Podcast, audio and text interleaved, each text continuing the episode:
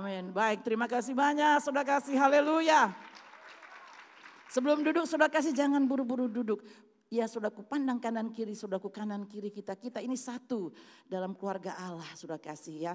Sangat sudah kasih kita eh, merasakan saudaraku persatuan kita. Haleluya. Apalagi di masa pandemi ini tidak ada bisa menghalangi kita untuk bisa saling menyatakan kasih kita satu dengan lain. Karena hari ini kita belajar tentang kasih, saudara kasih ya. Terima kasih banyak, terima kasih silahkan duduk. Tim PW terima kasih banyak, Tuhan berkati semua saudara, haleluya. Haleluya umat Tuhan. Yang benar-benar jujur dia bersuka cita ada di rumah Tuhan dan hari ini juga yang ada di rumah mendengarkan saudaraku firman Tuhan sebentar lagi beribadah kepada Tuhan di hari sabat ini. Katakan saya. Baik, ini enggak diulang lagi ya, karena itu harus spontanitas. Puji Tuhan, sudah kasih ya. Saudaraku hari ini pada minggu kedua, sudah kasih tanggal 13 Desember 2020, kita semakin terus menyadari betapa besar kasih setia Tuhan. Bahwasanya untuk selama-lamanya kasih setianya dalam hidup saudara dan hidup saya dalam sidang Tuhan Gereja Kemenangan Iman Indonesia sejabodetabek.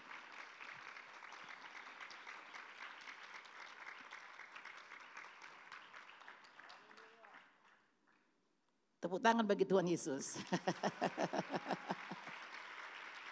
Haleluya.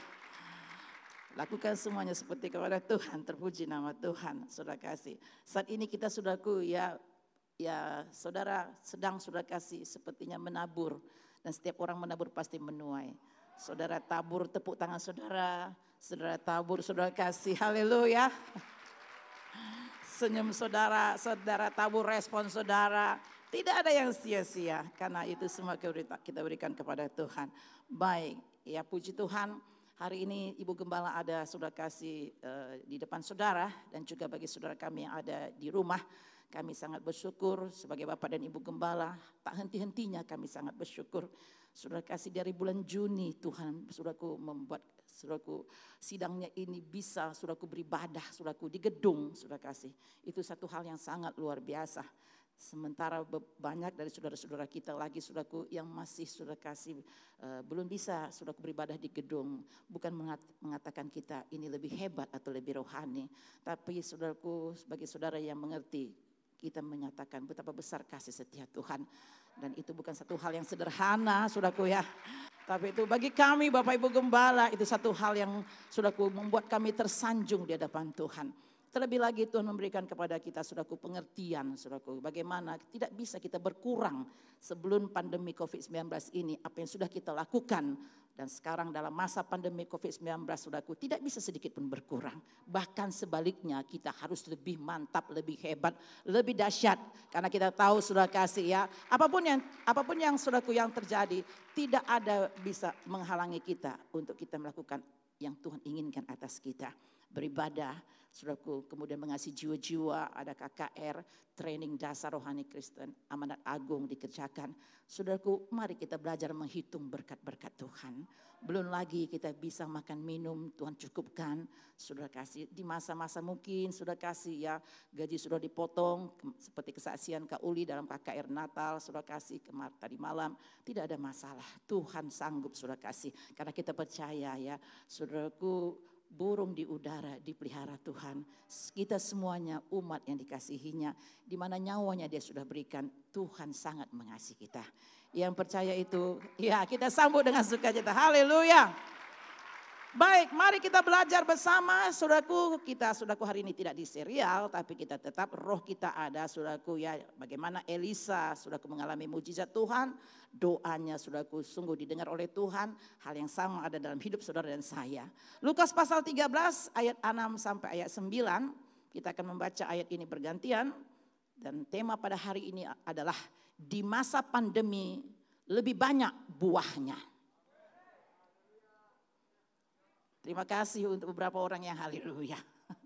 Saya percaya juga di rumah sudah mengatakan haleluya. Saya ulangi ya, di masa pandemi COVID-19 ini lebih banyak buahnya. Iya, amin. Haleluya. Terima kasih. Baik, sebelum kita membaca dan kita bersama-sama bangkit berdiri, saya dan saudara ingin menyambut. Jikalau ada saudara yang hari ini ya sebentar, yang baru pertama kali hadir sudah kasih dalam ibadah di gereja Tuhan ini. Kami ingin menyambut saudara, saudaraku dengan saudara boleh mengangkat tangan seperti saya ini. Ada? Baru pertama kali saudara hadir dalam sidang Tuhan gereja Tuhan ini. Kalau ada saudara boleh lambaikan seperti ini supaya kami bisa melihat saudara. Selamat datang adik, Tuhan berkati adik sebelah kanan. Tuhan akan tolong adik dengan keadaan adik, puji Tuhan. Ada lagi saudara kasih, baik. Kita percaya semuanya kita saudara kasih. Terus akan mengasihi jiwa, jiwa dan tidak berhenti untuk saudara kasih menginjil dan saudara bersaksi kepada jiwa-jiwa. Kita sambut saudara kita ini dengan sukacita, kita berikan kemuliaan bagi Tuhan. Haleluya. Selamat datang, Tuhan berkati adik kami yang baru pertama kali hadir. Baik, kita bangkit bersama. Saya membaca ayat 6, demikian bergantian seperti biasa. Demikian juga saudara yang di rumah, bukalah kitab saudara atau saudara baca dari layar saudaraku ya handphone saudara atau laptop saudara. Kita saudaraku jangan diem karena kita harus membacanya. Saudaraku ya. Saya mulai. Lalu Yesus mengatakan perumpamaan ini. Seorang mempunyai pohon ara yang tumbuh di kebun anggurnya dan ia datang untuk mencari buah pada pohon itu, tetapi ia tidak menemukannya.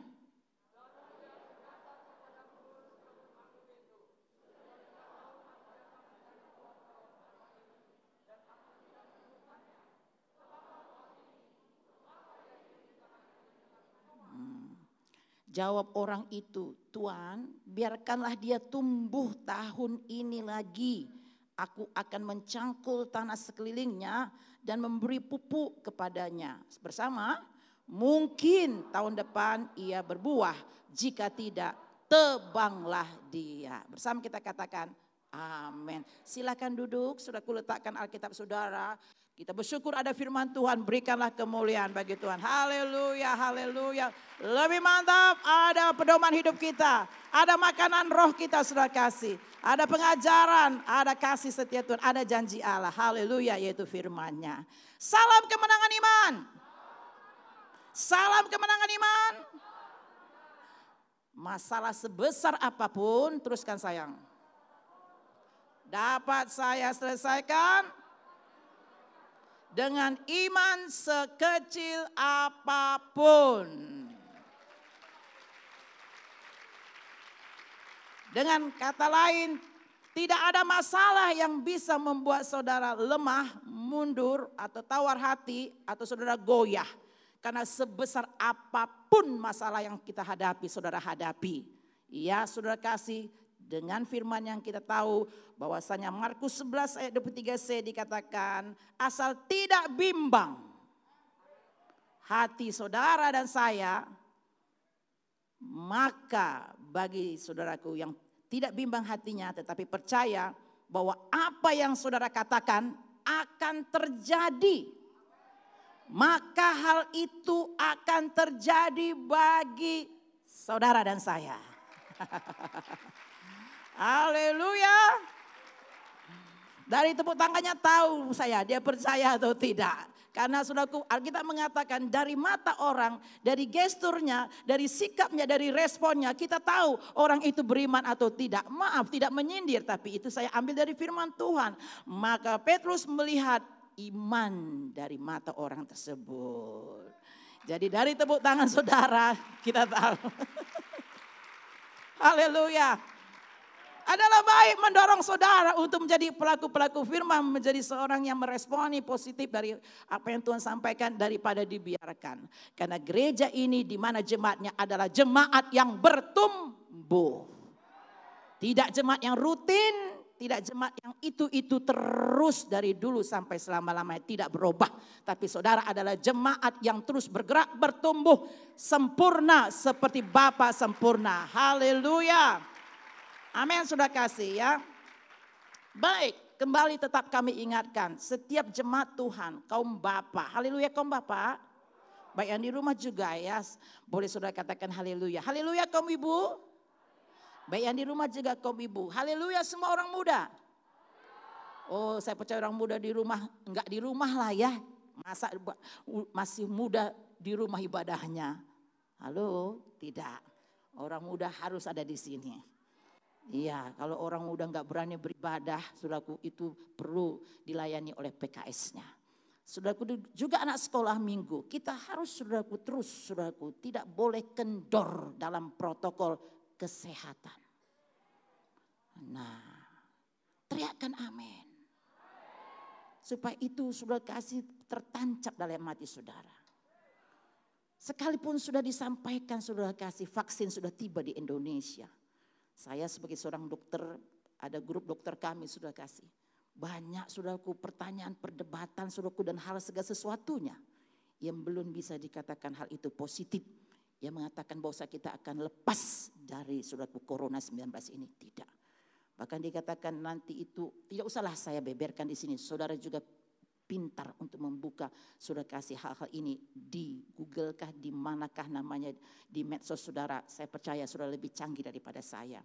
Oleh karena itu kami gereja Tuhan tetap saudaraku mengatakan, saudara di mana pun saudara, apalagi saudaraku di tempat-tempat di mana saudara harus menjadi contoh. Nah, ya di rumah saudara menjadi contoh, di gereja ini saudara harus menjadi contoh. Saudaraku bukan enak nggak enak dengan masker. Kalau saudara mau masker saudara nyaman, belilah masker saudara. Hemat-hematlah saudara, jangan beli saudaraku yang saudara rasa tidak nyaman. Banyak saudaraku pilihan. Haleluya. Sisihkan untuk itu saudara kasih, itu namanya bijaksana. Kemudian pakailah facial saudara. Bukan saja karena di gereja harus pakai facial. Kalau di tempat saudara rasa itu harus saudara lengkap dengan itu. Pakailah facial saudara. Haleluya. Dan kemudian saudaraku sering-sering cuci tangan. Jangan pegang wajah dan pegang sesuatu kemudian saudara tanpa cuci tangan. Di mana saudara bisa cuci tangan? Cuci tangan saja. Bukan berkata tadi bu baru saya cuci tangan sekarang nggak usah. Sesering-seringnya cuci tangan. Itu bagian saudara dan saya. Haleluya. Demikian juga yang ada di rumah kami tetap mengingatkan. Karena saudaraku saya juga tadi saudaraku sedikit selintas saudaraku ya pada saat saya buka uh, sudah kasih teras rumah pintu sudah kasih saya ambil koran yang biasa di uh, saudaraku ditaruhkan di teras rumah saya baca di depannya saudaraku masih banyak yang meninggal karena corona 19 bahkan pejabat-pejabat sudah kasih ya. Saudaraku kita tidak mau saudaraku hal ini sudah kasih kita anggap sepi karena Tuhan menolong saya dalam nama Yesus. Tidak demikian diajarkan oleh Alkitab dan diajarkan dalam sidang Tuhan ini. Dan berikutnya hal yang ketiga saudara harus jaga jarak tidak usah berulang-ulang dikatakan, ayo saudaraku jangan berdekatan. Tidak usah, kecuali kita anak sekolah minggu. Kita bukan lagi anak sekolah minggu, kita semuanya adalah orang yang sudah diberikan pengertian. Pakailah saudara kasih pengertian pengetahuan itu untuk hidup saudara bisa terpelihara, bahkan untuk memberkati orang lain. Oleh karena itu jaga jarak saudara kasih di mana pun. Jangan katakan nggak bisa, enggak bu harus begini. Itu satu alasan yang tidak bisa diterima saudara kasih ya. Karena ulangan 29 ayat 29 saya bacakan kepada saudara. Hal-hal yang tersembunyi ialah bagi Tuhan. Bagi Tuhan Allah kita. Tetapi hal-hal yang dinyatakan, yang diberitakan ialah bagi saudara dan saya dan bagi anak-anak lagi saudara kasih ya. Anak-anak kita sampai kapan sayang? Sampai selama-lamanya. Supaya saudara dan saya dan anak-anak kita melakukan segala perkataan hukum Taurat ini. Kalau bicara hukum Taurat itu adalah aturan. Aturan. Jadi kita suka taat aturan. Saya banyak berdoa, ibu saudara ini banyak berdoa supaya jemaat Tuhan ini Para pelayan, tim PW suka dengan aturan. Jangan sudaku suka dengan sudaku hidup rombengan sembarangan. Baik saudara kami yang di rumah. Jangan biasakan. Jangan sudah katakan, aku ini orangnya seperti ini. Dari dulu aman-aman kok. Tidak bisa itu terus dipertahankan. Harus saudaraku ada perubahan peningkatan. Haleluya. Supaya hidup saudara boleh memberkati banyak orang. Haleluya. Baik, saya saudaraku ingin menyatakan satu pertanyaan kepada saudara. Apakah jemaat Tuhan menyadari bahwa kita ini sedang menghadapi COVID-19 ini? Apakah sudah sadar? Yang sadar dia saudaraku saat ini dia masih menghadapi COVID-19. Saudaraku coba lambai-lambaikan tangan saudara. Juga yang di rumah sudah kasih.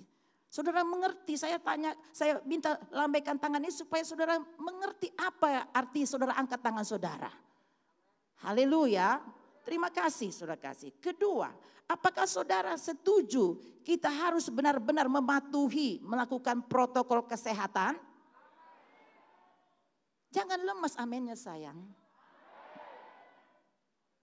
Karena kami para dokter berkata sekalipun nanti sudah disuntikkan vaksin sudah kasih, ya tetap harus hidup dengan protokol kesehatan. Harus sudahku.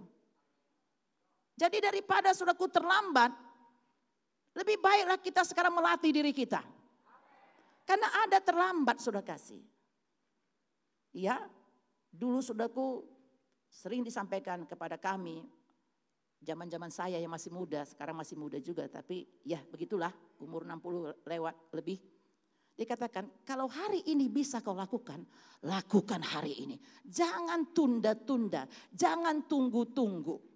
Jangan ditunggu, ditunda, ditunda. Hari ini latih hidup saudara, hidup dengan protokol kesehatan, dan semua saudara benar-benar saudaraku bisa saudara kasih. Tidak perlu lagi saudara kasih teledor, lalai dan seterusnya bahkan saudara bisa menjadi berkat bagi banyak orang. Jadi saya percaya semua kita setuju kita harus benar-benar mematuhi protokol kesehatan. Mari kita berikan kemuliaan bagi Tuhan. Haleluya. Kita punya Tuhan yang luar biasa memang. Penuh dengan suraku anugerah. Tapi Tuhan berkata kepada saudara dan saya, kita harus hidup bijaksana. Saudara harus hidup bijaksana, apalagi kita para orang tua. Bukan takut, bukan khawatir, tetapi hidup bijaksana itu beda dengan saudaraku takut dan khawatir. Sama sekali beda. Tapi kita harus hidup bijaksana. Mari kita lihat dalam buku Efesus pasal 15. Tuhan berkata, arif kita saudaraku harus hidup dengan arif. Itu maksudnya arif bijaksana. Buku Efesus pasal 5 ayat 15. Saya bacakan untuk saudara. Pasal 5 ayat 15 dikatakan, karena itu perhatikanlah dengan saksama. Saya harap sudah mengerti bahasa Indonesia ini. Perhatikanlah dengan saksama bagaimana kamu hidup Janganlah seperti orang bebal. Dikatakan di layar ini saudara harus memakai masker dengan benar. Masih diturunkan juga. Jangan bebal sayangku. Nah ini karunia ibu gembala seperti ini. Bukan karunia bapak gembala ya. Mengajari saudara seperti itu. Ada saya lihat tadi ku waktu di shoot oleh video eh, faceitnya diangkat sampai sini. Jangan begitu sayang. Iya, jangan be jangan jadi orang katakan kepada diri saudara, jangan jadi orang bebal. Kepada diri saudara dulu, katakan jangan jadi orang bebal. Tahu ya orang bebal ya? Nah, bukan dia nggak tahu, tetapi dia memang sudah kasih tidak mau Saudaraku yang menanggapi itu dengan baik. Saya lanjut, tetapi seperti orang arif. Tetapi seperti orang arif. Ini orang arif, ini orang bijaksana. Dan pergunakanlah waktu yang ada karena hari-hari ini adalah jahat. Jangan terlambat. Pergunakanlah waktu itu maksudnya saudaraku di dalamnya juga terkandung jangan terlambat. Hari ini saudara bisa lakukanlah dengan segenap hatimu sayang. Itu namanya bijaksana. Dan dia mau hidup bijaksana sebagai hamba Tuhan, sebagai orang yang sudah lahir baru. Coba lambaikan tangannya biar dilihat Tuhan. Haleluya, terima kasih sudah kasih ya.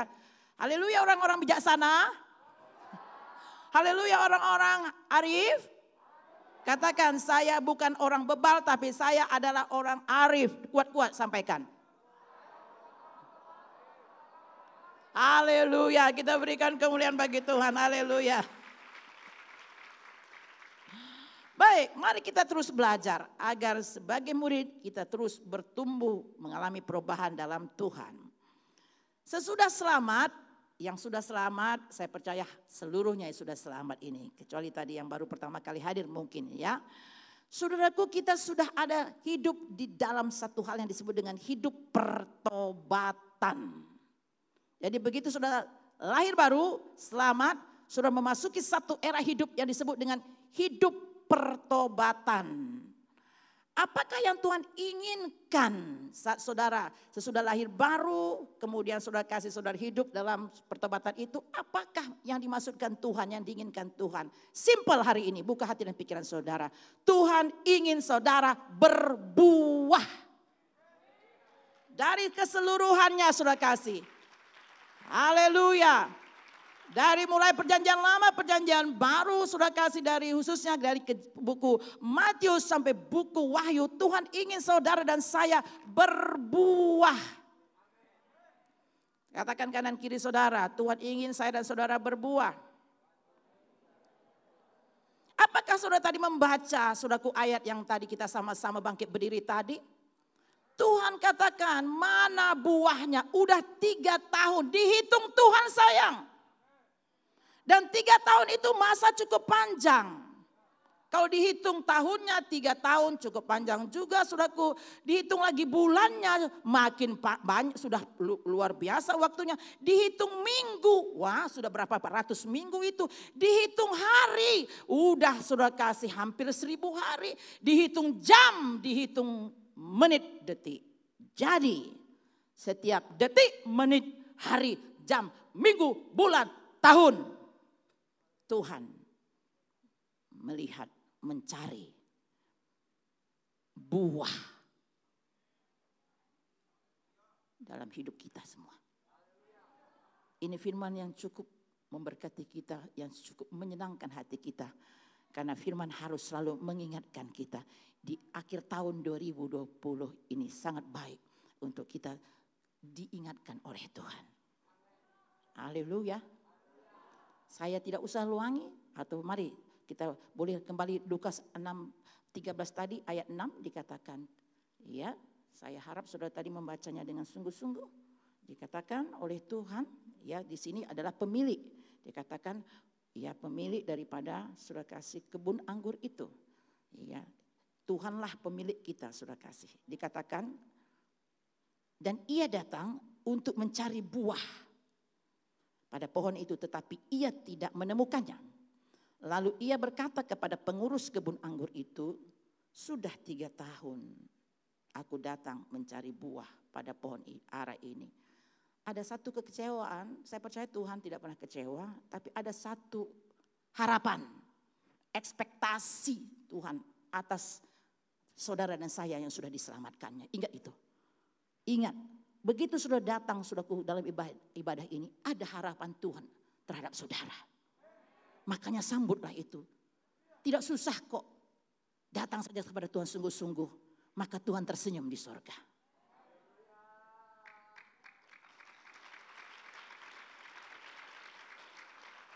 Saya selesaikan. Aku tidak menemukannya. Jadi setiap detik, menit, jam, hari, minggu, bulan, tahun sudah kasih. Tuhan mencari. Ingat ini sayangku. Jangan kita saudaraku easy saja. Wah aku sudah kebaktian. Apakah saudaraku saudara menghasilkan buah? Aku sudah berdoa, aku sudah melayani dan seterusnya. Nanti kita lihat, kita akan saudaraku dengan waktu yang singkat karena hari ini juga ada KKR sudah kasih kebaktian Natal. Jadi kita harus saudaraku bijaksana juga khususnya ingin sembiring harus bijaksana untuk mengatur waktu supaya KKR hari ini sudah kasih bisa dilakukan dengan baik, dikerjakan dengan baik. Jadi pertama kita menyadari bahwasanya yang Tuhan inginkan adalah saudara dan saya berbuah. Belum titik, buahnya harus lebat. Buahnya harus banyak. Setan kadang-kadang membuat anak-anak Tuhan, pelayan Tuhan terbuai. Ah, kau kan sudah bawa jiwa, udah adanya satu jiwamu. Ingat. Ah, kau sudah berubahnya kau. Dulu kau pemarah kali, sekarang ya, ya sikit-sikitnya. Ingat, harus buahnya banyak. Buahnya lebat. Teriakan, buahnya harus banyak. Ayo, satu, dua, tiga. Harus lebat. Yang sudah teriak berikan tepuk tangan kepada Tuhan. Kalau belum teriak nggak usah tepuk tangan. Jadi alasan pertama kenapa kita harus berbuah dalam hidup kita sesudah kita lahir baru selama hidup dalam pertobatan. Karena memang Tuhan mencari buah. Tuhan ingin mendapatkan buah.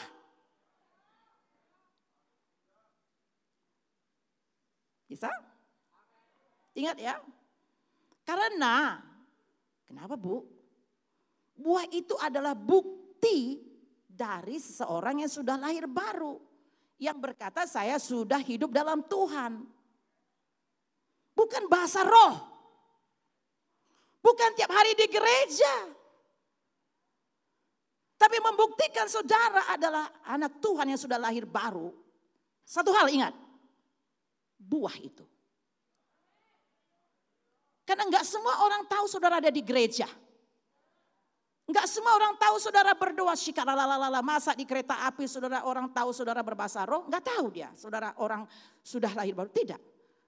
Tapi pada saat engkau hidup di kereta api, di pekerjaanmu, di marketplace namanya ya, di mana saudara ada di tengah-tengah keluarga, family saudara, saudara enggak usah, saudara Mari kau pimpin doa. Kemudian sudah mengatakan supaya tahu dia aku ini penuh roh kudus. Hurrah batakan. Enggak perlu. Saudara. Kalau memang roh kudus mendorong saudara silahkan. Tapi yang paling penting saudara untuk membuktikan saudara adalah anak Tuhan, murid Tuhan, sudah lahir baru, hidup dalam pertobatan adalah buah itu.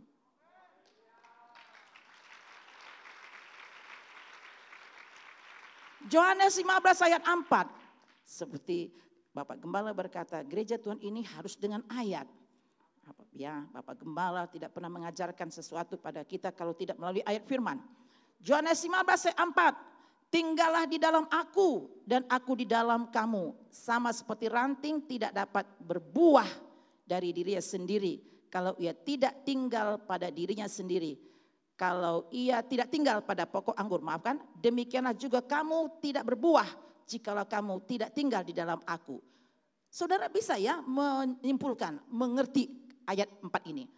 Kalau saudara berkata saudara adalah orang lahir baru, saudara berbuah. Kalau saudara berkata saudara ada di dalam Kristus, bukan kalimat saudara. Tetapi buah itu yang membuktikan saudara adalah ada di dalam Kristus. Jadi buah itu adalah bukti hasil dari seorang yang sudah lahir baru hidup di dalam Tuhan. Dan berikutnya, buah itu, buah itu adalah hasil dari hati saudara yang sudah sudah didiami oleh Tuhan, oleh Roh Kudus. Hati yang sudah diserahkan kepada Tuhan, saudara tidak cukup berkata, Tuhan kuserahkan hatiku, tanpa buah. Enggak bisa sayang. Sekalipun kau tidak mengatakan Tuhan kuserahkan hatiku, tapi engkau mengeluarkan buah, menghasilkan buah, didapati Tuhan ada buahmu, maka itu artinya hatimu sudah kau serahkan kepada Tuhan. Biar yang mengerti, mengerti, yang enggak mengerti, haleluya. Tapi saya percaya semua boleh mengerti. Lukas 8 ayat 15. Ini perumpamaan tentang penabur. Lukas 8 ayat 15. Mari kita baca bersama-sama. Lukas 8 ayat 15. Dua, tiga, iya. Yang jatuh di tanah yang baik itu ialah orang yang setelah mendengar firman itu menyimpan dalam hati yang baik dan mengeluarkan Nah, hatinya sudah diserahkan kepada Tuhan. Bukan syarat dengan keinginan hidupnya sendiri lagi, tidak. Sudah Tuhan bertata di hatinya, dia sudah serahkan kepada Tuhan, itu disebut dengan hati yang baik. Terima kasih, empat lima orang bilang haleluya berarti ngerti, tapi yang lain mungkin dalam hati haleluya, tapi saya percaya mengerti juga. Baik juga yang ada di rumah dan pemirsa yang mendengarkan. Buah itu adalah hasil dari hati yang sudah diserahkan kepada Tuhan. Jadi kalau saudara dan saya berkata, semua kita yang mendengar berkata, sudah kuserahkan hatiku kepada Tuhan, berarti saudara menghasilkan buah. Tapi saudaraku kalau saudara tidak menghasilkan buah, jangan kau tertipu setan. Berarti hatimu belum kau serahkan sepenuhnya kepada Tuhan. Mari segera serahkan hatimu kepada Tuhan supaya engkau bisa menghasilkan buah.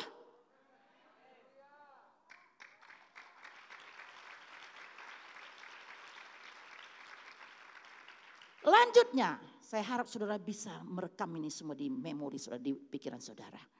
Ya, ada Roh Kudus menolong kita. Selanjutnya, ya, buah itu adalah ukuran untuk mengenal seseorang itu. Saya saya ganti kalimatnya. Dari buahnya lah kita dikenal orang. dari buahnya lah kita dikenal orang. Jadi kalau selama ini pikiran saudara, kalau pelayananku penuh dengan oh, urapan, penuh dengan kuasa, uh aku terkenal. Salah sayang. Itu enggak masuk seperti Alkitab katakan. Orang dikenal karena buahnya. Jadi ukuran seseorang itu dikenal oleh karena buah tadi dengan kalimat yang sama saya sudah kasih. Arti yang sama saya uh, ganti kalimatnya. Perhatikan ini. Dari buahnya lah orang mengenal siapa saudara. Saudara pelayan PW dari buahnya lah saudara dikenal. Pelayan PW seperti apa engkau sayang? Saya ibu gembala. Dari buah saya lah saya dikenal sebagai seperti apa ibu gembala seperti apa saya. Para kom bapak, para suami, kan mantap ya kalau suami kan. Dari buah kom bapak, para suami lah dikenal dia. Seperti apa dia sebagai imam di tengah-tengah keluarganya. Lanjutkan lagi saudaraku ya. Sebagai istri, sebagai orang tua, sebagai anak. Sebagai apa saudaraku kita ada yang Tuhan sudah sudah kepercayakan kepada kita.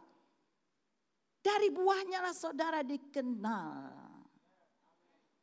Matius 7 ayat 20, kita baca lagi. Ayatnya di banyak di perjanjian baru, jadi saudara saya saudaraku minta kita membacanya untuk saudara bisa fresh di kepala saudara ya. Matius 7 20. Yuk, serukan kuat-kuat. Tiga, tiga, ya. Lebih kencang, satu, lebih kuat, satu, dua, tiga. Jadi dari buahnya lah kamu akan mengenal mereka. Jelas ya? Jadi dari buahnya lah, saudara sekarang jemaat kan? Dari buah saudara lah saudara dikenal seperti jemaat seperti apa? Pelayan seperti apa? PKS seperti apa? Dari buah saudara. Sampai di sini siapa yang ngerti? Tolong lambaikan tangannya. Jangan ikut kanan kirinya. Baik. Ya, yang setengah tangan, setengah tiak, setengah ini saya anggap masih perlu banyak berdoa. Sekali lagi ya. Siapa saudara sampai di sini mengerti yang saya yang dimasukkan Tuhan?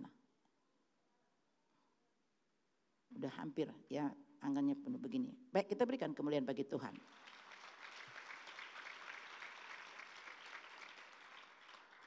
Seperti apa saudara?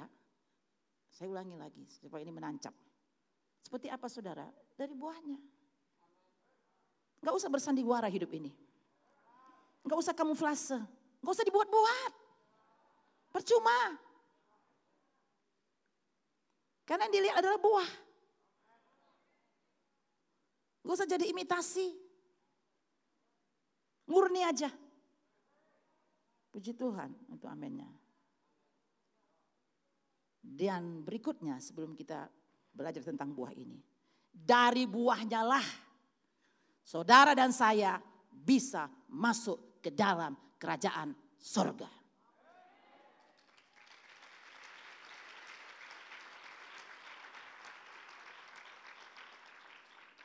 Ayat 21 dari Matius pasal 7 tadi. Bukan setiap orang yang berseru kepadaku Tuhan, Tuhan akan masuk ke dalam kerajaan sorga. Melainkan dia yang melakukan kehendak Bapakku yang di sorga. Pada hari terakhir banyak orang akan berseru kepadaku, Tuhan, Tuhan, bukankah kami berbuat demi namamu? Dan ini seorang hamba Tuhan ya. Dan mengusir setan demi namamu. Nah ini orang karismatik ini. Dan mengadakan banyak mujizat demi demi namamu juga. Wah ini hamba Tuhan yang luar biasa dalam karunianya ya kan. 23 yuk sama-sama. Satu, dua, tiga ya.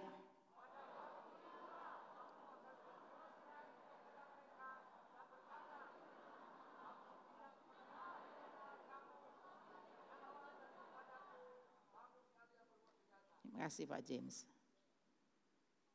Belum lulus bacanya. Ini belum melakukannya ya, bacanya aja belum lulus. Karena apa yang sudah baca itu yang telinga sudah dengar. Bukan tetangga saudara baca, telinga saudara dengar. Enggak, ini bukan gosip. Ini firman Tuhan. Bacalah yuk. Tiga, tiga ya.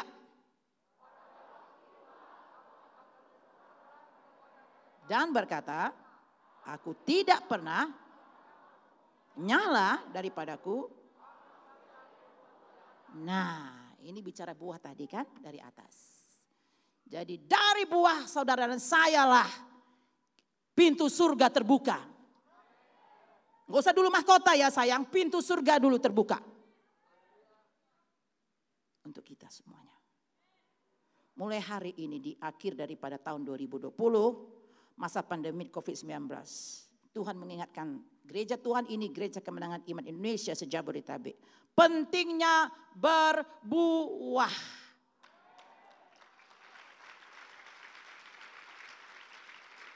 Dan harus semakin lebat. Harus semakin banyak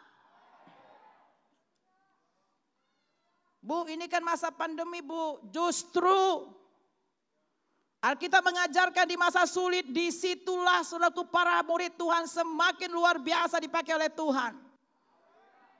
Karena Tuhan tidak pernah membiarkan kita sendiri. Dia tahu apa yang diinginkannya atas kita dan dia sudah melengkapi kita. Masalahnya kita mau tidak. Kalau kita berkata mau dan siap, maka semua apa yang Tuhan inginkan atas kita untuk kita berbuah lebat pasti jadi bagi hidup saudara dan saya. Haleluya. Baik. Ada tiga hal buah kita sudah tahu.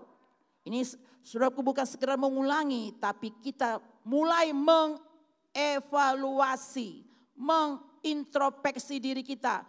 Kita mulai sudah melihat kepada kehidupan kita karena kita akan mengakhiri 2020 Pertama adalah buah pertobatan.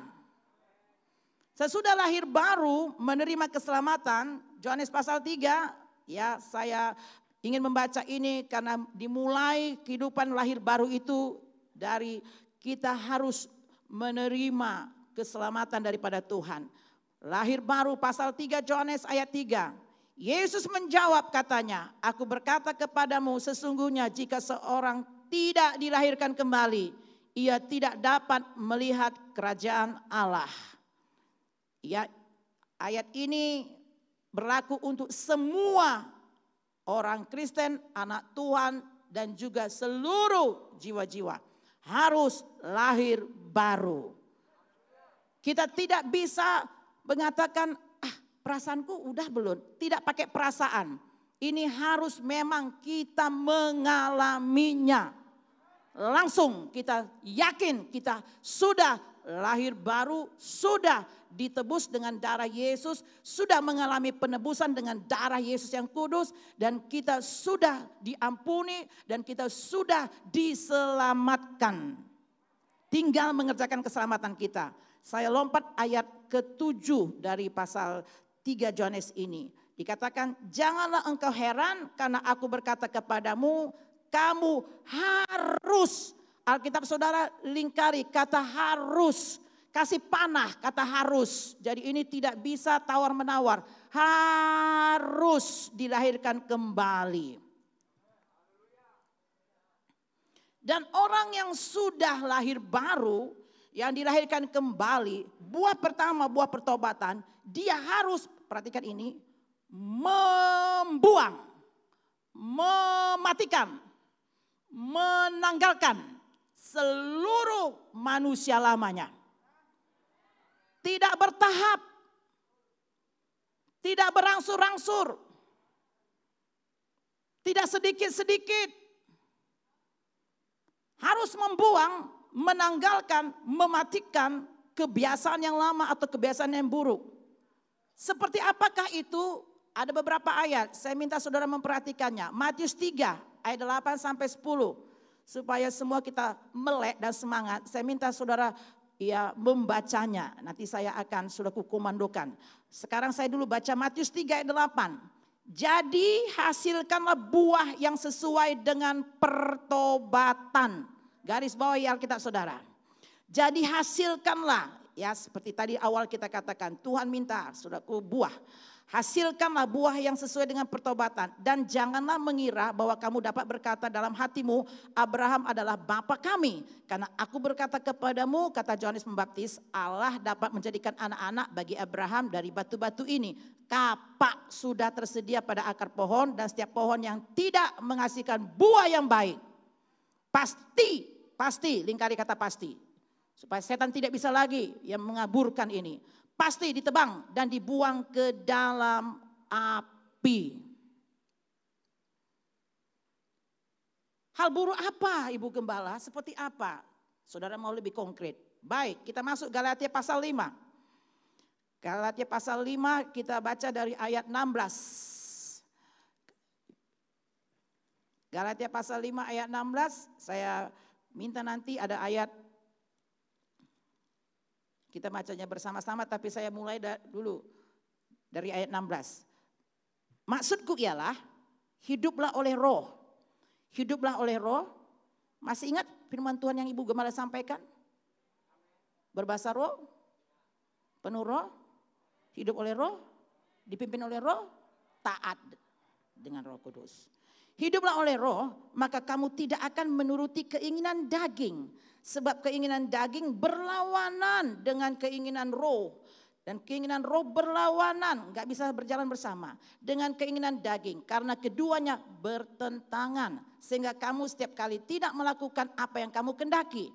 Akan tetapi jikalau kamu memberi dirimu dipimpin oleh roh, maka kamu tidak hidup di bawah hukum Taurat. Perbuatan daging telah nyata. Perhatikan sayang, mulai cek. Ayo cek. Percabulan,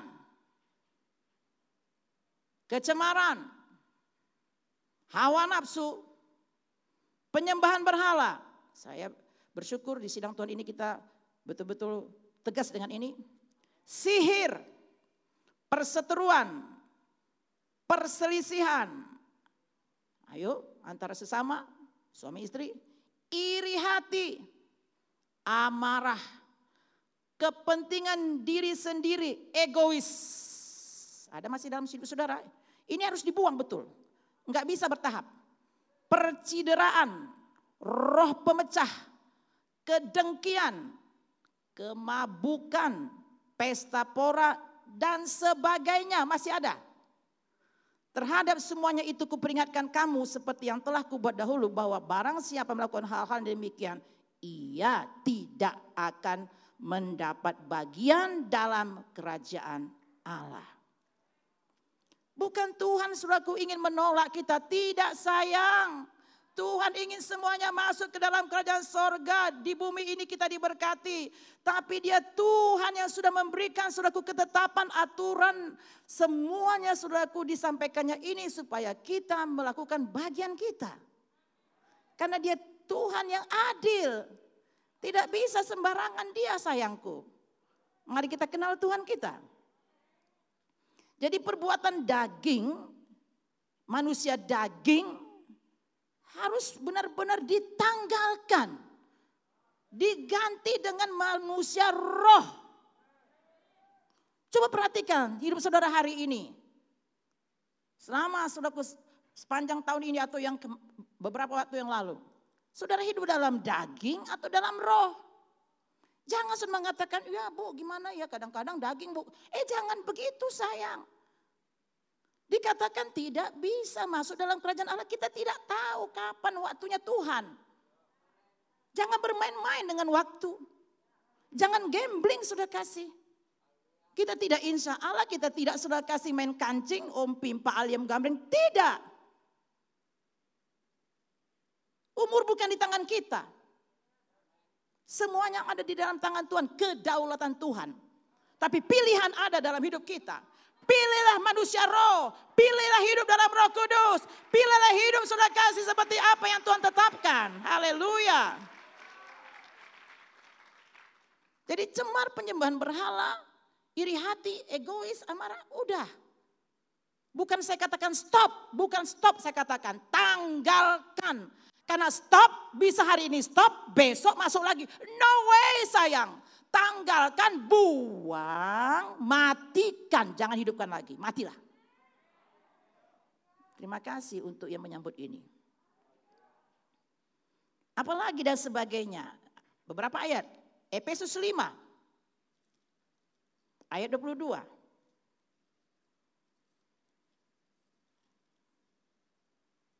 Yaitu bahwa kamu berhubung dengan kehidupan kamu yang dahulu harus menanggalkan manusia lama yang menemui kebinasaannya oleh nafsunya yang menyesatkan.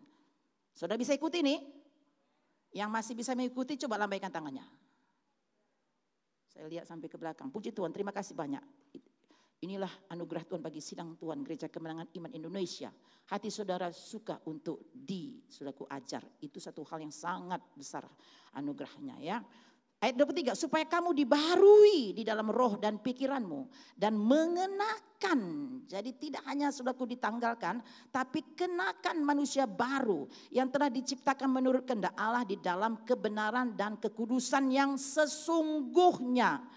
Jangan abaikan ayat ini sayang. Karena itu buanglah dusta. Nah nih. Oh maaf, Efesus 4, maafkan saya. Efesus 4, maafkan saya ya. Bisa ya? Bisa? Perlu kita ulangi atau sudah bisa lanjut kita? Ada di situ ya. Lanjut ayat 25. Karena itu buanglah dusta. Buang kan? Buang. Katakan buang. Katakan kepada diri saudara. Suka bohong-bohong sedikit-sedikit. Ya sedikit-sedikit supaya kelihatan benar, supaya nggak kelihatan saudaraku saudara bersalah. Udahlah sayang. Kalaupun salah, rendah hatilah. Siaplah diajar, dididik. Dan berkatalah benar seorang kepada yang lain karena itu kita adalah sesama anggota. Apabila kamu menjadi marah, janganlah kamu berbuat dosa. Janganlah matahari terbenam sebelum padam amarahmu. Ini sudah diajarkan Bapak Gembala beberapa minggu yang lalu. Dan janganlah beri kesempatan kepada iblis. Kita usir iblis, kemudian kita biarkan dia sudah berleluasa di hidup kita dengan kita punya tabiat lama kita. No. 28. Orang yang mencuri, nah ini pun juga. Janganlah ia mencuri lagi tetapi baiklah ia bekerja keras. Macam-macam suraku tipe mencuri ini. Ya, macam-macam. Ada secara langsung, ada secara ya tertutup. Tapi semua disebut itu mencuri. Jangan. Ya ukurannya pun macam-macam. Ya, ada yang kecil, ada yang besar. Tidak boleh. Pokoknya itu mencuri tidak bisa, buang. Tetapi baiklah ia bekerja keras dan melakukan pekerjaan yang baik dengan tangannya sendiri supaya ia dapat memberikan sesuatu kepada orang berkekurangan. Janganlah ada perkataan kotor. Jangan ada lagi perkataan kotor. Jangan ada lagi buang. Tanggalkan. Bukan itu hidup saudara. Ya, janganlah ada perkataan kotor keluar dari mulutmu, tetapi pakailah perkataan yang baik untuk membangun di mana perlu supaya mereka yang mendengarnya beroleh kasih karunia dan janganlah kamu mendukakan Roh Kudus yang telah memerintahkan kamu menjelang hari penyelamatan. Segala kepahitan buang. Kegeraman buang. Kok saya aja yang semangat ini? Harus sudah bilang amin, gitu dong. Segala kepahitan buang. Segala kegeraman buang. Kemarahan buang. Pertikaian dan fitnah hendaklah dibuang. dari antara kamu, demikian pula segala kejahatan.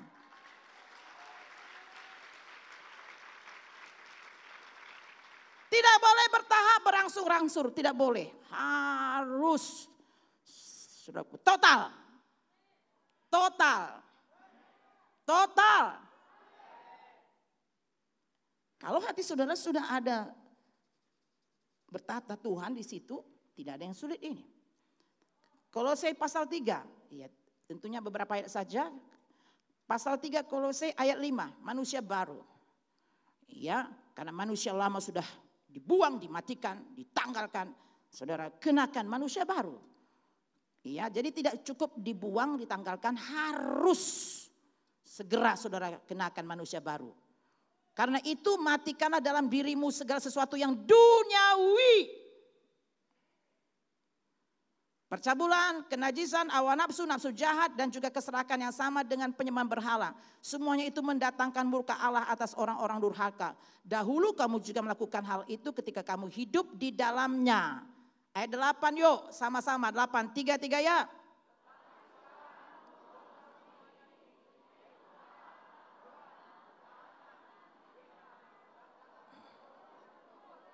Jangan lagi kamu saling mendustai karena kamu telah menanggalkan manusia lama serta kelakuannya. Di sini dikatakan kata mati, kali kata menanggalkan, buang dari Efesus tadi dan telah mengenakan manusia baru yang terus menerus dibarui untuk memperoleh pengetahuan yang benar menurut gambar haliknya. Ini buah Pertama ini disebut dengan buah pertobatan. Jadi benar-benar harus dibuang. Saudara buang, saudara tanggalkan, saudara matikan. Lalu kenakan, ambil manusia baru sifat Kristus. Sekali lagi tidak cukup dibuang, tetapi harus segera mengenakan, mengenakan, menggantikannya dengan manusia baru sifat ilahi. Masuk kedua, karena waktu saya demikian. Buah roh. Buah roh itu adalah buah roh kudus. Yang tadi saya katakan kenakan manusia baru, inilah yang saudara kenakan. Manusia baru yang terus menerus diperbaharui, ber, saudara kasih, ini boleh bertahap. Ini boleh berangsur. Tapi terus menerus, tidak boleh berhenti. Sampai sempurna. Matius 5 ayat 48 sayang. Hendaklah engkau sempurna karena Bapamu sempurna. Adalah satu tipu daya setan yang mengatakan kita ini kan masih ada dalam dunia. Siapa sih yang sempurna? Memang tidak ada yang sempurna. Tetapi harus terus menerus dibaharui menuju sampai kepada kesempurnaan. Ngerti nggak saudara? 1 Yohanes 2 ayat 6. Yuk kita baca ayat ini. 1 Yohanes 2 ayat 6. 1 Yohanes 2 ayat 6. Sudah ketemu? Kalau belum ketemu lihat aja di depan. Yuk, dua tiga iya. Barang siapa mengatakan bahwa ia ada di dalam Yesus, ia wajib hidup. Setan dunia mengatakan, kau kan masih ada di bumi. Jangan aneh-aneh kau. Justru memang harus aneh karena kita sudah pindah. Jadilah di bumi seperti di sorga. Adalah aneh kalau rumah tangga situ, saudaraku tidak rukun, tidak harmonis, tidak akur, tidak saya kata. Jangan anggap itu biasa kan namanya bu masih di bumi. Salah. Saudara sudah ada seperti di sorga. Damai sejahtera nanti kita lihat seperti apa. Jadi konsep-konsep yang selama ini saudara, ah ya oke lah Saudara mulai bela-bela, tutup-tutupi. Bongkar saja, kita sudah mau selesaikan 2020. Karena besar kasih karunia Tuhan di masa pandemi COVID-19 ini. Kita harus sudahku menghargakan kasih karunia Tuhan itu. Dengan kita menghasilkan buah lebat di hadapan Tuhan. Menyatakan bahwa kita memang sudah kasih berkata. Kita ini adalah murid Yesus, kita dikenal sebagai murid-murid Tuhan. Sebagai orang yang sudah lahir baru di mana Tuhan Yesus sudah ada dalam hati kita. Puji Tuhan. Buah roh itu Galatia pasal 5. Ya, tadi ayat 16 sampai 20, kita baca sekarang ayat 22. Buah roh ialah kasih, sukacita, damai sejahtera, kesabaran, kemurahan, kebaikan, kesetiaan, kelemah lembutan, penguasaan diri. Tidak ada hukum yang menentang hal-hal itu. Barang siapa menjadi milik Kristus, ia telah menyalipkan daging dengan segala hawa nafsu dan keinginannya. Nah, lebih tajam lagi disalibkan sudah keinginan daging. Mudah mati saja keinginan daging. Sekarang ini satu hal. Bukan baru tetapi Tuhan menaruhkan dalam hati saya. Coba perhatikan saya. Tadi kita sudah membaca dari Galatia pasal 5 ayat 22 tentang buah roh. Dimulai pada kasih. Dimulai dari kasih baru bisa berikutnya. Ingat sayang, engkau tidak akan bisa mengalami damai sejahtera.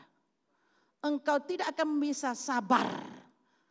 Tanpa dimulai daripada kasih. Buka hati dan pikiran. Ini kebenaran. Kasih itu awalnya.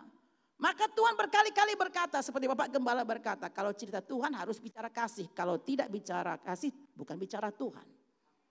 Dan Tuhan paling sudah sangat mengecam kalau kita kurang dari kasih, kasih mula-mula Tuhan tidak suka.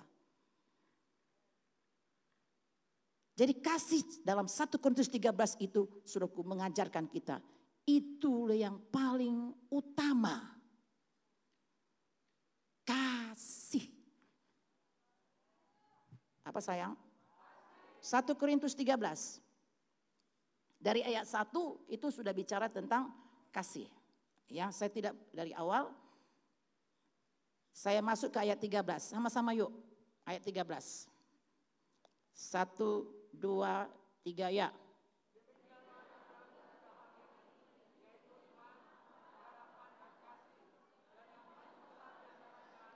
Pulang lagi sekali lagi. Saya nggak mau saudara bacanya setengah suara. Baca dengan luapan hati yuk. Tiga-tiga ya. Yaitu iman, pengharapan, dan kasih. Dan yang paling besar, kasih.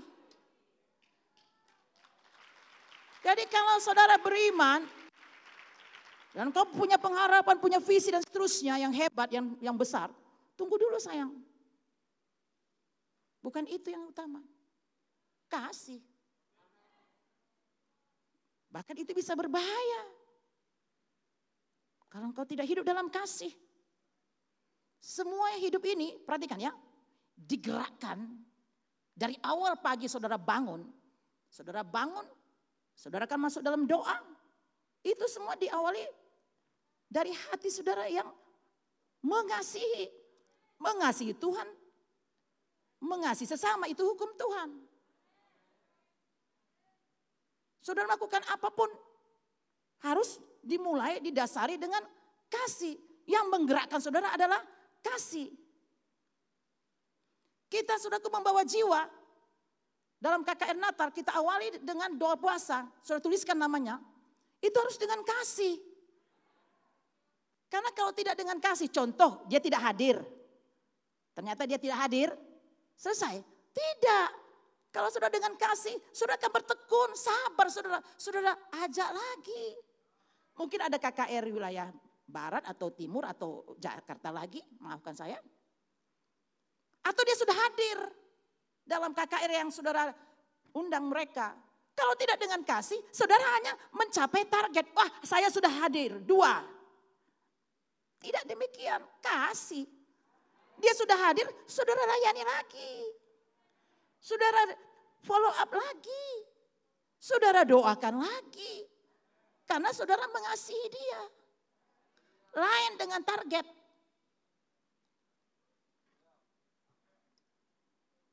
Halo. Jadi saudara dan saya harus hidup dalam kasih setiap hari. Hidup kita harus dimulai dengan kasih. Itu hukum Tuhan, perintah Tuhan. 2 Yohanes 6. Wow, sudah gini-gini ya jam saya, puji Tuhan. 2 Yohanes 6. Bisa saudara konsentrasi supaya saya, saya bisa lebih cepat? Iya, 2 Yohanes 6 saya baca ya. Atau sama-sama kita baca yuk. 2 Yohanes 6. 1, 2, 3 ya. Dan inilah kasih itu. 2 Yohanes 6. Kan kalau satu cuma satu ayat, satu pasal cuman. 2 Yohanes pasal 1 ayat 6 maksudnya. cuma satu ayat. Amin. Haleluya. Nah, 2 Yohanes 6. Betul kan? Iya, sama lah. Maksudnya karena cuma satu pasal jadi ayat langsung. Kecuali tadi pasal satu, pasal dua. Baik. Dengan kasih saya dan dengan rendah hati. Mohon maaf jemaat Tuhan. Mohon maaf yang di rumah. Karena yang mengajari sedang mengajari, yang di depan ini sedang mengajari kasih. Mohon maaf multimedia. 2 Yohanes pasal 1 ayat 6. Tapi saya tambahkan 2 Yohanes ini hanya satu pasal. Ayo ayat 6 ya. Yuk dengan sukacita. Dua tiga ya.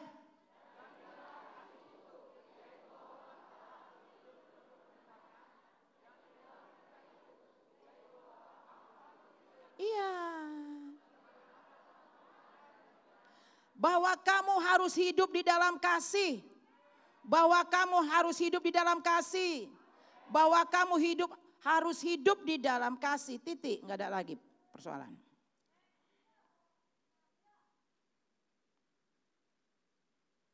Sehingga waktu saudara memiliki kasih dan dimulai daripada saudaraku kasih Kristus, ini bulan Natal kita saudaraku harus mengingat bagaimana kasih Bapa kepada kita. Oleh karena kasih Yesus kepada manusia, kepada saya dan saudara, maka dikaruniakannya. Jadi Desember ini paling baik untuk saudara merenungkan berapa besar kasih saudara. Ini buah yang kedua ya. Tapi kalau saudara belum mengalami kasih dari Kristus, memang sulit sayangku untuk engkau hidup dalam kasih. Doa ibu gembalamu, engkau sudahlah mengalami kasih Kristus. Sehingga engkau bisa saudaraku bertumbuh dalam kasihmu ya. Jadi kasih ini sudah ada dalam saudara sehingga saudara bisa sabar. Bisa sukacita. Nah, walaupun ada apa-apa pun saudara sukacita karena saudara limpah dengan kasih. Ya, mungkin hati saudara disinggung, tersinggung. Tapi karena kasih saudara luas, saudara bisa menarik senyum saudara. Karena kasih saudara bisa menguasai diri, penguasaan diri. Karena kasih saudara punya kemurahan hati. Punya kebaikan. Karena kasih saudara setia. Karena ada kesetiaan di situ. Jadi kalau kasihmu saudara kasih tidak bertumbuh, kau tidak akan bisa setia. Karena ada saja hal-hal di tengah jalan ya di mana iblis sudah mulai menyenggol siakumu, kepentingan dirimu, maka engkau mengurangi saudaraku hal apa pun saudaraku, narik diri, berdiam diri, jangan saya. Tumbuhkan kasihmu. Kolose 3 ayat 12. Haleluya.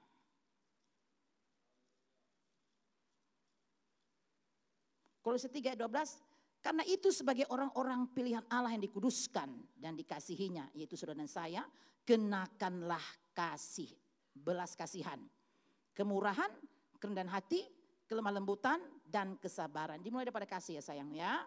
13, sabarlah kamu seorang terhadap yang lain dan ampunilah seorang akan yang lain. Tanpa kasih nggak bisa sayang. Kanan, tampar kanan, kasih kiri nggak bisa. Kasih makan musuh, boro-boro. Tapi Tuhan tahu kita bisa karena dia sudah menaruhkan kasih ilahi sama kita, kasihnya. Tidak ada yang sulit. Apabila seorang menaruh dendam terhadap yang lain sama seperti Tuhan telah mengampuni kamu, kamu perbuat juga demikian. Ayat 14, baca dengan saudara kasih, penuh dengan kesungguhan hati saudara. Ayo ayat 14, tiga, tiga ya.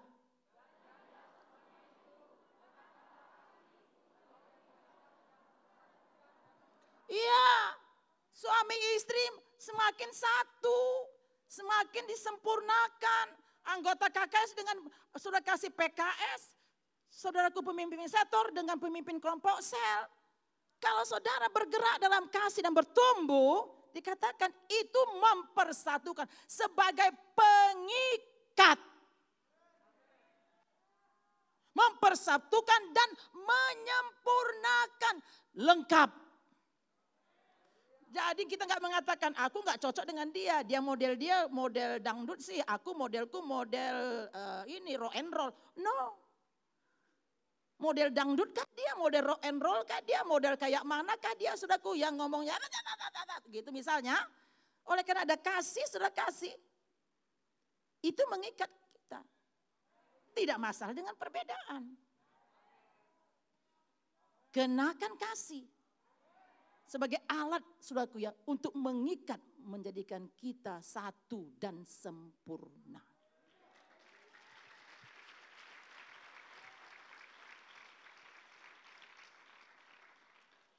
Seperti saya katakan tadi, sudahku khususnya di bulan Desember ini, bulan Natal, ya yang sudah kita sudahku sama-sama, sudahku melakukan beberapa ibadah, ya, ya saudara yang sudah di dalam Kristus sangat penting untuk melihat ya buah yang, yang hal yang kedua ini yaitu kasih saudara.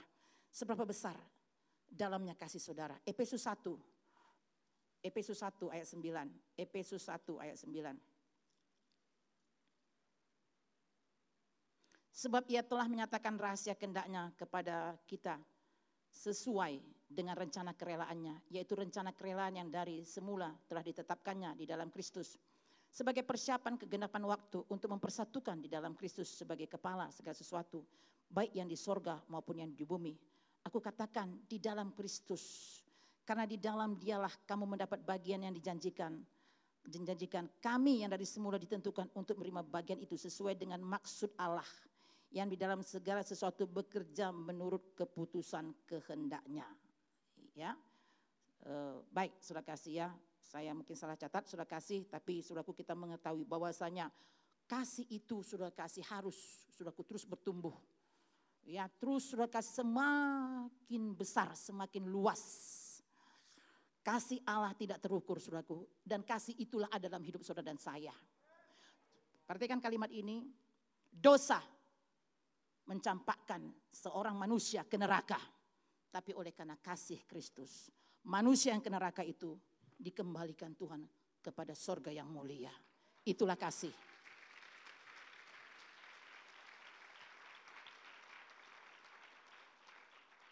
Dapat? Haleluya. Lukas pasal 4. Semakin lebat saudara punya, semakin luas kasih saudara, semakin besar kasih saudara, semakin lebat buah saudara. Lukas pasal 4 ayat 8. Lukas pasal 4 ayat 8.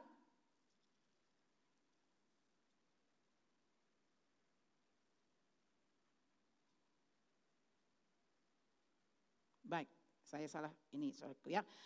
Luk, e, tentang perumpamaan pok, pok, e, ini ya, tentang perumpamaan dari e, pok, dari pohon ara eh maaf perumpamaan dari benih saudaraku yang ditabur. Amin, sudah kasih. Saudaraku, kita klaim 100 kali ganda. Ada tertulis 30, ada tertulis 60, ada tertulis 100.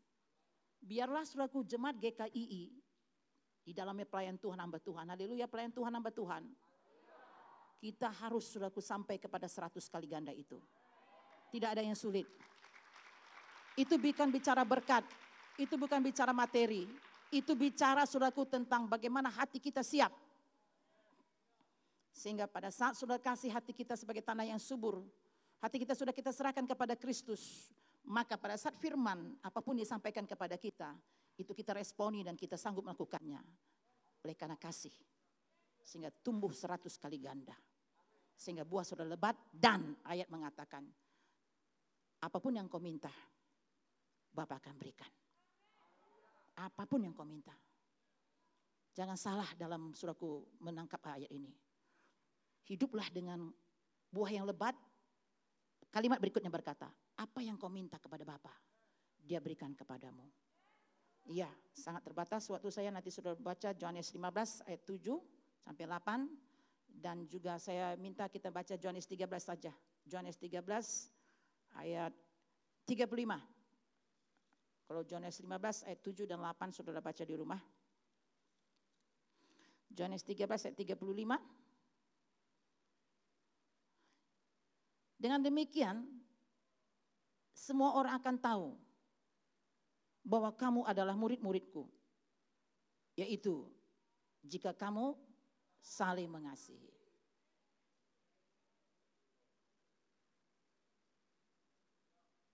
Wow.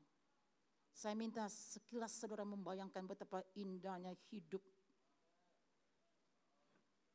dalam kelimpahan kasih Allah. Tidak ada yang sulit sayang. Karena kasih itu adalah satu power, kuasa. Bayangkan dari neraka bisa pindah kepada surga yang mulia. Hanya karena kasih saja.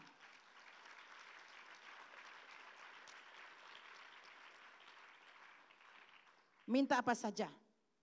Elisa mengalami mujizat. Karena dia mengasihi Israel, mengasihi para nabi. Mujizat terjadi. Yang ketiga kita selesaikan. Buah jiwa. Johannes pasal 4 ayat 31.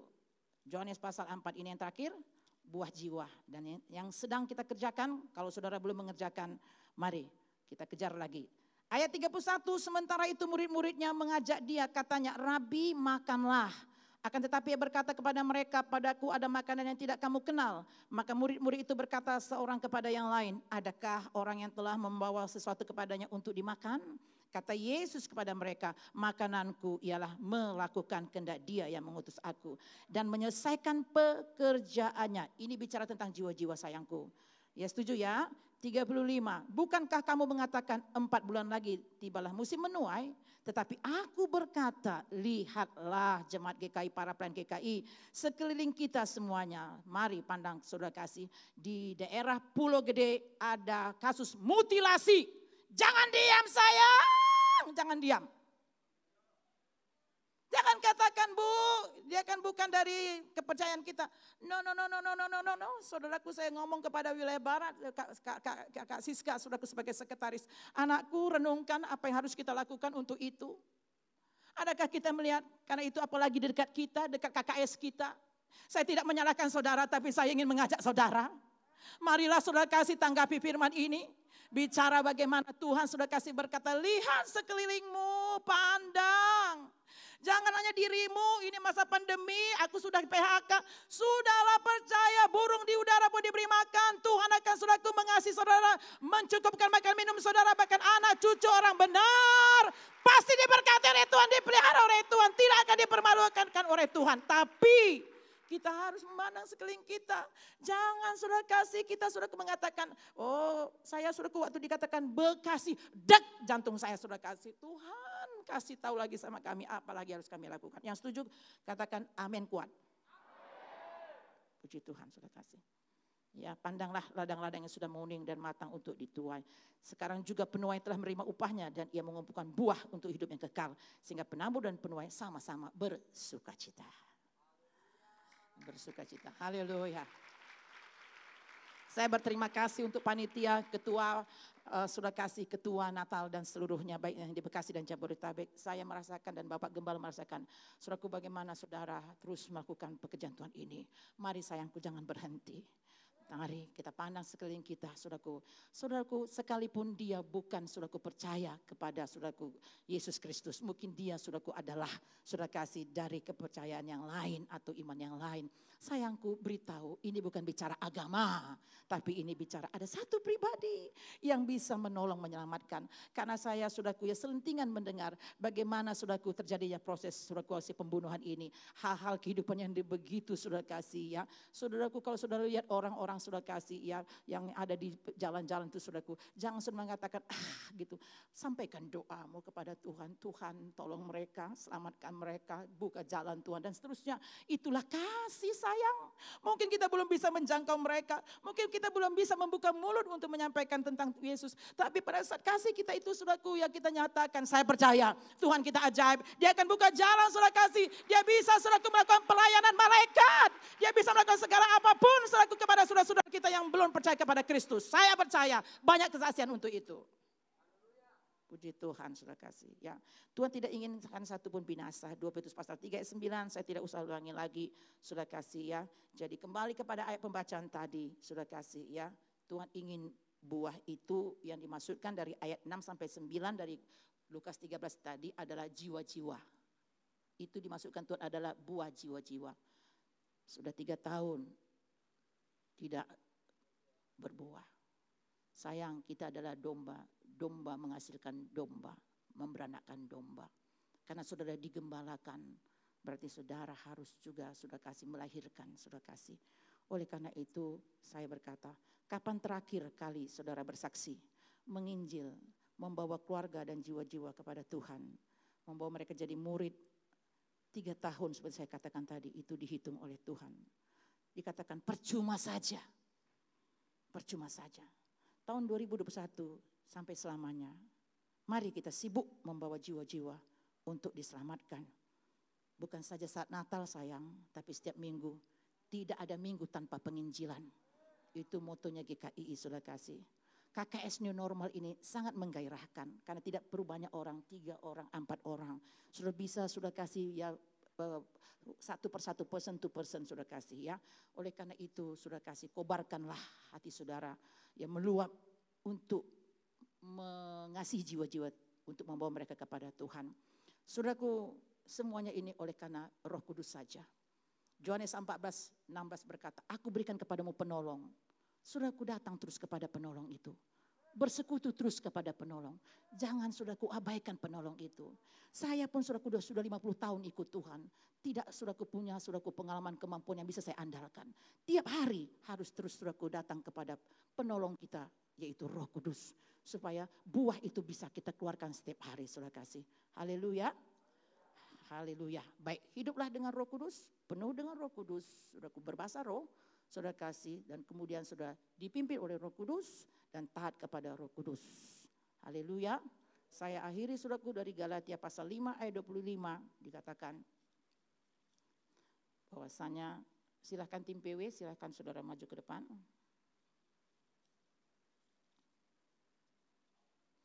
Jikalau kita hidup oleh roh, baiklah hidup kita juga dipimpin oleh roh. Saudara, hampir 100% kita jemaat ini, baik juga sudah ada di rumah. Saudara sudah menerima roh kudus. Sudah dibaptis dengan roh kudus. Sudah hidup dengan roh kudus. Dikatakan kita hidup oleh roh, baiklah hidup kita juga dipimpin oleh roh. Biarkan roh kudus bebas atas saudara.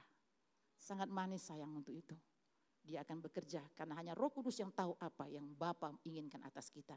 Yang mengerti kehendak Bapa, yang tahu atas kehendak Tuhan adalah hanya roh kudus. Roh kuduslah mengajari saudara, memampukan saudara. Sehingga kita semua bisa menghasilkan buah. Bukan oleh kuat gagahmu sayang, oleh roh Tuhan. Bukan oleh keperkasaanmu, bukan oleh pengalaman Bapak Ibu Gembala. No, tetapi terus oleh karena roh kudus yang ada dalam hidup kita. Teruslah saudara manis dengan roh kudus bersekutu, maka buah saudara lebat. 2021 kita akan melihat lebatnya buah kita. Sehingga apa yang kita minta kepada Tuhan, diberikan Tuhan kepada kita. Haleluya, haleluya.